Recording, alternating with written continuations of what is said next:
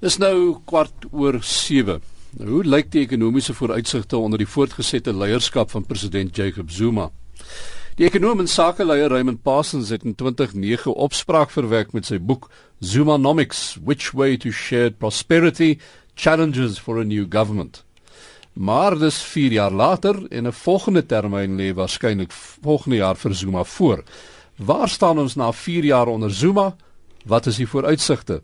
Die vraag waaroor vandag getop word is onder meer wat die toestande is waaronder die nasionale ontwikkelingsplan kan slaag. Stuur ons nou op die laaste kans af om dit te laat werk. Nou uh, professor Parsons, Raymond Parsons het 'n opvolg boek die lig laat sien. Dis Zumanomics Revisited: The Road from Mangaung to 2030. Hy is by my in die ateljee vanoggend. Hy's deesdae professor by Noordwes Universiteit se fakulteit ekonomiese en bestuurswetenskappe en hy dra ook nog etlike ander hoede wat ons nou nie vandag op uh, gaan konsentreer nie, maar Raymond môre en welkom. Goeiemôre, môre. Kom ons uh, kom ons begin by daardie eerste vraag. Waar staan ons na 4 jaar? Wel, ons staan op 'n situasie wat heel wat verander het sedit 4 jaar gelede. As ons nou eerstens kyk na die internasionale ekonomie, uh het daar groot dinge gebeur wat ons ook aangetas het. Maar ook plaaslik is daar 'n heel wat klomp van die faktore uh uit 'n politieke oogpunt, uit 'n ekonomiese oogpunt, uit 'n sosiale oogpunt wat ons ook aantas. En ons is nie in so sterk 'n posisie as ons 4 jaar gelede was nie. Daar is groot uitdagings vo voor die deur. En dis miskien gedeeltelik waarom uh die nasionale beplanningskommissie aangestel is deur die president en hulle het na vore gekom met weer met met die nasionale ontwikkelingsplan die NOP. Dit is 'n visie vir 20 eintlik 'n visie vir 2030 en dit wil nou sekerlik van ons uitdagings aanspreek.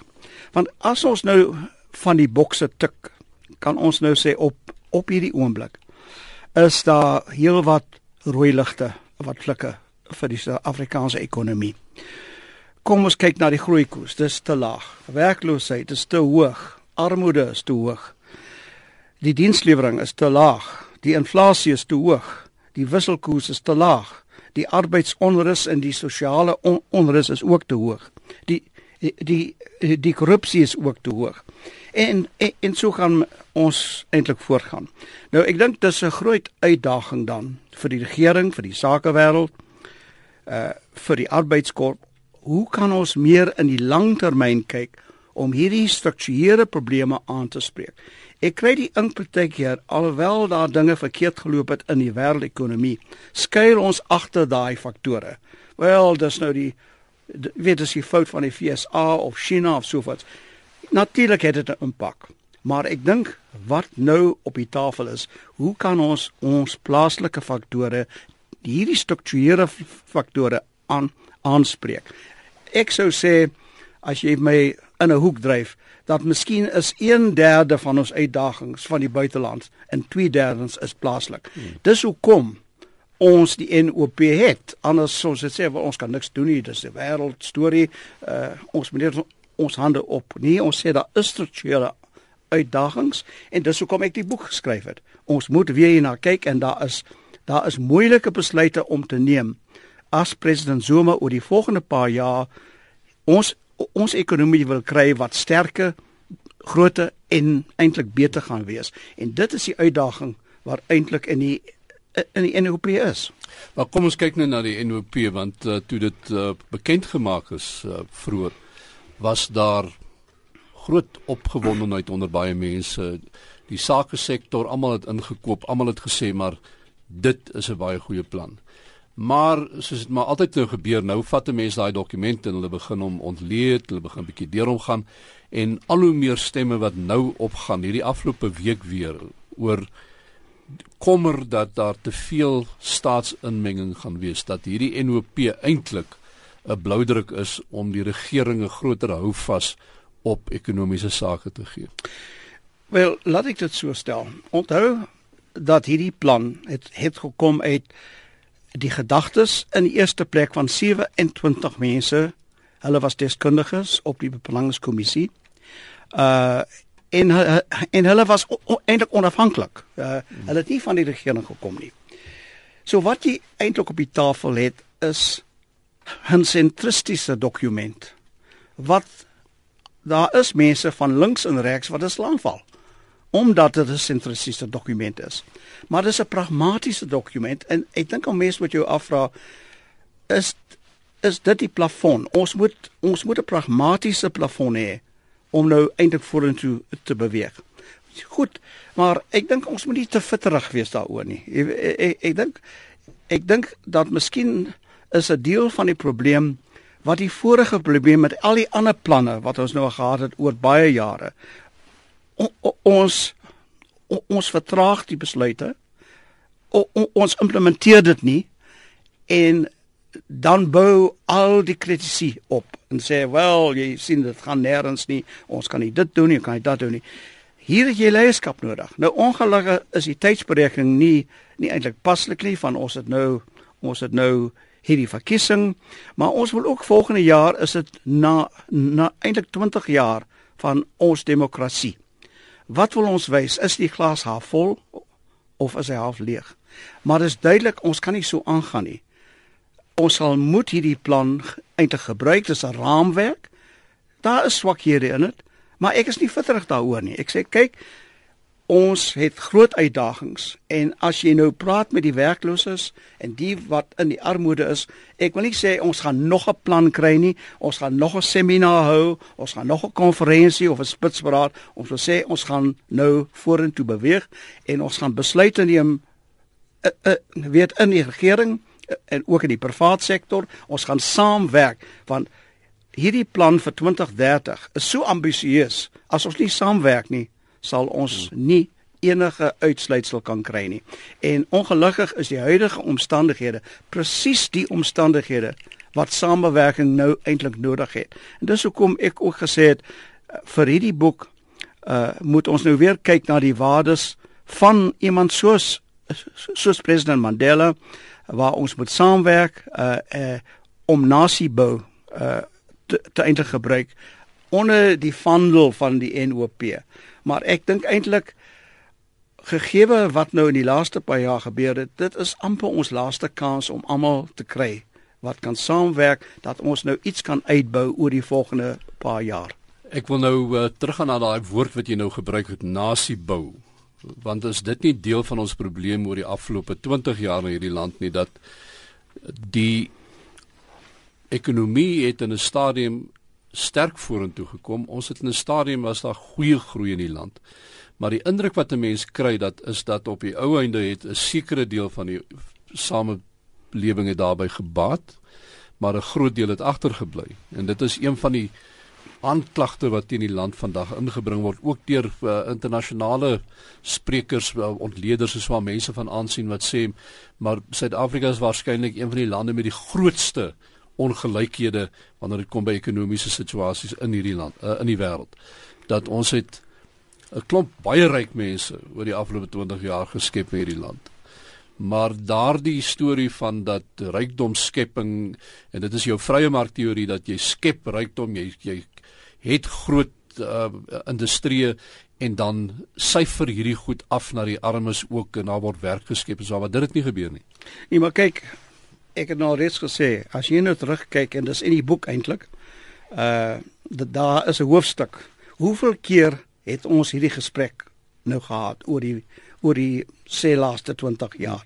Al die planne, die RDP, gear daar was die Growth Summit, uh, daar was as Gisa, daar was die Harvard groep van ekonome. Hoeveel meer keer moet ons nou daaroor praat? So dis die dis ek, ek dink dis die een vlak. Die ander vlak is waar daar planne was, hulle was nie geïmplementeer nie. Ek ek, ek dink dis die, nou is ons weer daar. Nou wil meer nou, nou wil ons sê, wel dis nie 'n perfekte plan nie. Ons moet nou eintlik pragmaties word. Ons moet hierdie plan neem en ons daarmee werk. En die en die derde faktor is die kwessie van van die gebrek aan kapasiteit. Dit is 'n baie groot leemte in die openbare sektor en tot 'n mate ook in die private sektor. Maar omdat daar nie genoeg vertroue was tussen die openbare sektor en die private sektor, het hulle tot nou nie baie mooi saamgewerk nie. En ek hoop nou onder die vandel van die NOP sal dit meer moontlik wees. Ons het 'n gemengde ekonomie en ons moet nou seker maak dat dit beter kan werk. En daardie grens wat ons wil hê tussen die regering en die private sektor sal skuif. Daar's sekere dinge waar ons wil meer hê van die regering en in ander plekke minder. Maar dis 'n kwessie van ons doeltreffendheid en ons ook as ons kyk na die vlak van mededinging het ook verswak. En as ons kyk wat in die wêreld daar gebeur, al die veranderinge, dit is die belangrike les. Kan ons nou mededingend wees gegee die veranderings in die wêreldekonomie? Dit is ook 'n uitdaging onder die vandel van die NOP. So my boodskap in die boek is kyk ons moet nou miskien minder praat en meer doen. Maar ons praat nou gewoonlik oor wat sakeleiers moet doen, wat vakbonde en vakbondleiers moet doen. Kom ons kyk na die gewone mense wat op die ou end is jy nie die jou bevolking met jou saamneem nie, as die hele bevolking nie inkoop in hierdie ding nie. Dan gaan die NOP en al hierdie goed gaan maar in elk geval ook net nog 'n droom wees wat op die end in skerwe spat. So wat wat is vir oggend as jy nou met met my met gewone mense hier moet praat oor wat ons moet doen om hierdie ding hierdie land te laat slag op die ou einde? Wat is daar die boodskap? Wel ek het onlangs gesê jy weet daar daar was iets daar was 'n gesegde van John Kennedy wat ek wil gebruik uh en en laat ek dit in Engels stel ask not what the NDP can do for you but what can you do for the NDP. Hmm. Ek dink ons is op daai punt en wan een van die sterk boodskappe in die boek is die aktiewe burgerskap wat in die NOP baie nou vasgetrek word en die, en die NOP sê dit moet ook van onder af kom dat ons almal saamwerk. Ons moenie net kyk vir die leierskap bo nie, dit is belangrik, maar ons moet nou seker maak dat ons almal kan bydra. En dit is wat my bekommer dat ons soveel tyd nou bestee aan die tegniese aspekte van die plan. Ons moet die ons moet die nasie mobiliseer want ons verloor tyd en daar's onrus en ons moet die mense mobiliseer onder die vandel van die program. So dit is nie net 'n 'n top-down, dis ook 'n bottom-up storie. En dit is wat my bekommer dat ons dat daar te veel tyd nou afgestaan word aan die tegniese aspekte. Daar is natuurlik swakhede in die NOP. Maar ons het nou soveel tyd verloor. Ons moet nou eintlik leierskap wys op verskillende vlakke om daardie plan te implementeer en seker te maak dat ons van die regering en van die private sektor en van alle rolspelers moet nou saamwerk en dit is 'n dit is die chemie van leierskap en en ek dink dan my boodskap is ons het nie veel tyd oor. Ons moet nou eers hierdie verkiesing klaar kry, dan moet daar 'n mandaat wees en ek dink ook dat president Zuma sal dan as hy eintlik herkies is, sal hy nou begin dink aan sy nalatenskap. Wat wil hy eintlik nou sê as hy nou eh, in ek dink dit is 2019 wanneer hy aan sy aan die einde van sy sy tweede termyn sal kom, wat is sy nalatenskap? Ek dink dis die eintlik die NOP en die ekonomie. As hy kan sê ek begin nou om hierdie om hierdie ding om te draai, daar is minder werkloosheid, minder armoede, meer groei, dan kan ek sê dit is 'n deel van my nalatenskap. En ek dink dis is waarom die die NOP nie net baie belangrik is vir Suid-Afrika nie, maar ook vir hom wanneer hy sy tweede amptetermyn aanvaar. Ek wil nog 'n laaste vraag vir jou vra. Ek hoor wat jy nou sê, maar 'n president is ook net so sterk as wat sy onderbou is, sy mense wat vir hom werk, sy as hoofstaatsamptenare, al hierdie goed. En een van die goed wat ons gereeld sien en wat vra laat ontstaan is dat mense nie goeders deurdink nie dat goed hals oor kop gedoen word. Ons het nou 'n polisiekommissaris, 'n streekspolisiekommissaris weer binne 8 ure moes laat afdank omdat daar nie seker gemaak is of hy 'n persoon was wat reg is vir die pos nie. Ehm um, het hy die onderbou, het hy die steun om so iets te kan doen. Dis 'n groot boodskap van die NOP. Daardie kapasiteit moet gebou word.